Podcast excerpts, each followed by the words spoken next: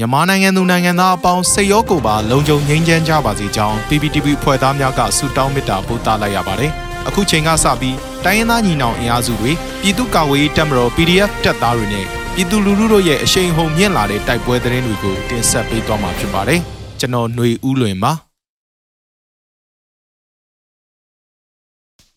ပထမဆုံးအနေနဲ့ KNU တပ်မဟာ9နယ်မြေမှာစစ်ကောင်စီတပ်နဲ့ KNL အကြားဒီဇင်ဘာ3ရက်အတွင်းတိုက်ပွဲ10ကြိမ်ဖြစ်ပွားပြီးစစ်သား6ဦးသေဆုံး2ဦးဒဏ်ရာရတဲ့သတင်းကိုတင်ဆက်ပေးမှာပါ။ကရင်အမျိုးသားအစည်းအရုံး KNU တပ်မဟာ9ဖာပွန်ခရိုင်တွင်းဝင်ရောက်လာတဲ့စစ်ကောင်စီတပ်နဲ့ကရင်မျိုးသားလူမျိုးရေးတပ်မတော် KNL ကြားဒီဇင်ဘာ1ရက်နေ့က3ရက်နေ့အထိတိုက်ပွဲ10ကြိမ်ဖြစ်ပွားပြီးစစ်ကောင်စီတပ်သား6ဦးသေဆုံးက2ဦးဒဏ်ရာရကြောင်း KNU မူတော်သတင်းစင်မှာသတင်းထုတ်ပြန်ထားပါတယ်။ ဒီဇင်ဘာလ၁ရက်နေ့မှာတိုက်ပွဲ၄ကြိမ်ဖြစ်ပွားခဲ့ပြီးစစ်ကောင်စီတပ်သား၄ဦးသေဆုံးက2ဦးဒဏ်ရာရကြောင်းဒီဇင်ဘာလ2ရက်နေ့မှာတိုက်ပွဲ2ကြိမ်ဖြစ်ပွားပြီးစစ်ကောင်စီတပ်သား2ဦးသေဆုံးကြောင်းဒီဇင်ဘာလ3ရက်နေ့မှာတိုက်ပွဲ၄ကြိမ်ဖြစ်ပွားပြီးစစ်ကောင်စီတပ်သား2ဦးသေဆုံးကြောင်းအဆိုပါတိုက်ပွဲများမှာ KNL ဘက်မှထိခိုက်ကြဆုံးမှုမရှိကြောင်းသိရပါတယ်။ စစ်ကောင်စီဟာငြိမ်းချမ်းရေးနဲ့ Federal Democracy အုပ်ချုပ်ရေးစနစ်ကိုမလိုလားကြောင်းနဲ့တပတ်သက်ကြီးစိုးချယ်လဲအုပ်ချုပ်မှုကြောင့်ယခုကဲ့သို့နိုင်ငံအနှံ့နဲ့တိုင်းရင်းသားဒေသများမှာနေတိုင်းလိုလိုတိုက်ပွဲတွေဖြစ်ပွားနေရကြောင်း KNU မူတော်သတင်းစင်မှာရေးသားဖော်ပြထားပါတယ်။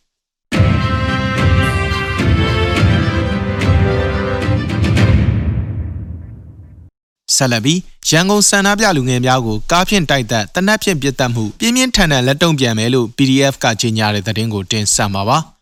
ဒီနေ့ဒီဇင်ဘာလ9ရက်နေ့ရန်ကုန်စန္ဒပြလူငယ်များကိုကားနဲ့တိုက်သက်ခြင်းတနက်နဲ့ပြစ်တက်ခြင်းအပါအဝင်စစ်တိုက်ကရက်ဆက်စွာနှိမ်နင်းတပ်ဖြတ်ခဲ့မှုကိုလက်တုံ့ပြန်မှာဖြစ်ကြောင်း PDF ရန်ကုန်တိုင်းစစ်ဒေသအဖွဲ့ကကြေညာချက်ထုတ်ပြန်ပါတယ်။ ရန်ကုန်တိုင်းဒေသကြီးကြည်မြနိုင်မြို့နယ်ပန်းမင်ကြီးလမ်းမပေါ်မှာဒီနေ့မနက်၈နာရီဝန်းကျင်အချိန်ကဆရာနာရှင်စန့်ကျင်ရေးငိမ့်ချမ်းစွာဆန္ဒပြချီတက်လာတဲ့လူငယ်များကိုအကြမ်းဖက်စစ်ကောင်စီတပ်များကလူမဆန်စွာကားဖြင့်တိုက်တက်ခြင်းတနက်ဖြင့်ပစ်တက်ခြင်းတို့ကြောင့်ဆန္ဒပြလူငယ်အချို့ကြာဆုံးခဲ့ရကြောင်းနဲ့၎င်းဖြစ်စဉ်မှာထိခိုက်ဒဏ်ရာရရှိခဲ့သူများကိုလည်းစေကူတာခွင့်မပေးဘဲစစ်ကြောရေးစခန်းများသို့ဖမ်းဆီးခေါ်ဆောင်သွားခဲ့ကြောင်းကြားသိရတာကြောင့်ပြည်သူလူထုနဲ့ထပ်တူစိတ်နှလုံးထိခိုက်နာခြင်းခံစားရကြောင်း PDF ရဲ့ထုတ်ပြန်ချက်ထဲမှာဖော်ပြထားတာပါ။ ဒီလိုငြိမ်းချမ်းစွာဆန္ဒထုတ်ဖော်ခဲ့ကြတဲ့လက်နက်မပါတဲ့အပြစ်မဲ့ပြည်သူများအပေါ်လူမဆန်ပဲရက်ဆက်ရုံမှစာတပ်ဖြတ်မှုကျူးလွန်ခဲ့ကြပြီးရင်းဖြစ်စဉ်ကိုအမိန်ပေးညွှန်ကြားစေခိုင်းခဲ့တဲ့အကြမ်းဖက်စစ်တပ်နဲ့၎င်းတို့ရဲ့လက်ပါစီအလုံးကိုပြင်းပြင်းထန်ထန်လက်တုံ့ပြန်သွားမှာဖြစ်ကြောင်းနဲ့တော်လန်ရေးအချိန်ကိုယခုထက်ပိုမိုမြင့်တင်ဆောင်ရွက်သွားမှာဖြစ်ကြောင်းရန်ကုန်တိုင်းစစ်ဒေသကုတ်ကဲရေးအဖွဲ့ကထုတ်ပြန်ကြေညာထားတာပါ။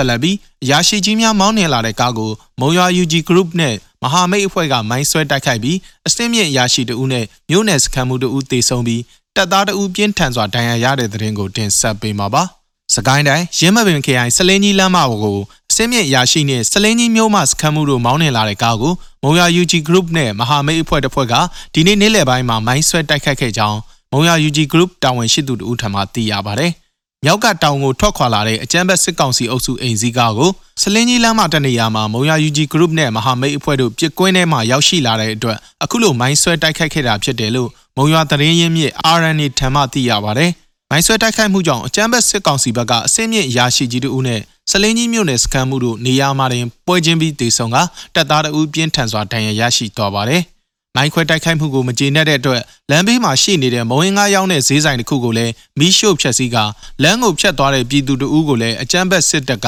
ပစ်တက်ခဲ့တယ်လို့သိရပါတယ်။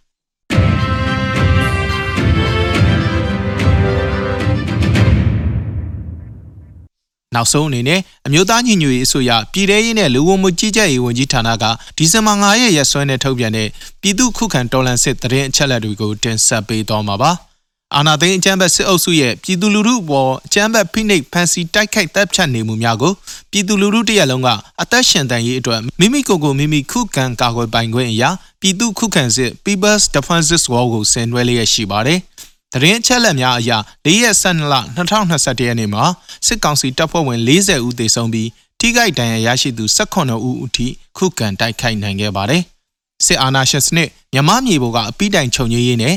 ဖက်ဒရယ်ဒီမိုကရေစီတည်ဆောက်ရေးအတွက်ငြိမ်းချမ်းစွာဆန္ဒပြတဲ့လူလူတပိတ်တိုက်ပွဲကြီးများကလည်းပြည်내နဲ့တိုင်းဒေသကြီးများမှာဖြစ်ပွားပေါ်ပေါက်လျက်ရှိပါတယ်။မြေပြင်မှာယခုတွေ့ရတဲ့သတင်းအချက်အလက်များထက်ပို၍ဖြစ်ပွားနိုင်ပါတယ်ခင်ဗျာ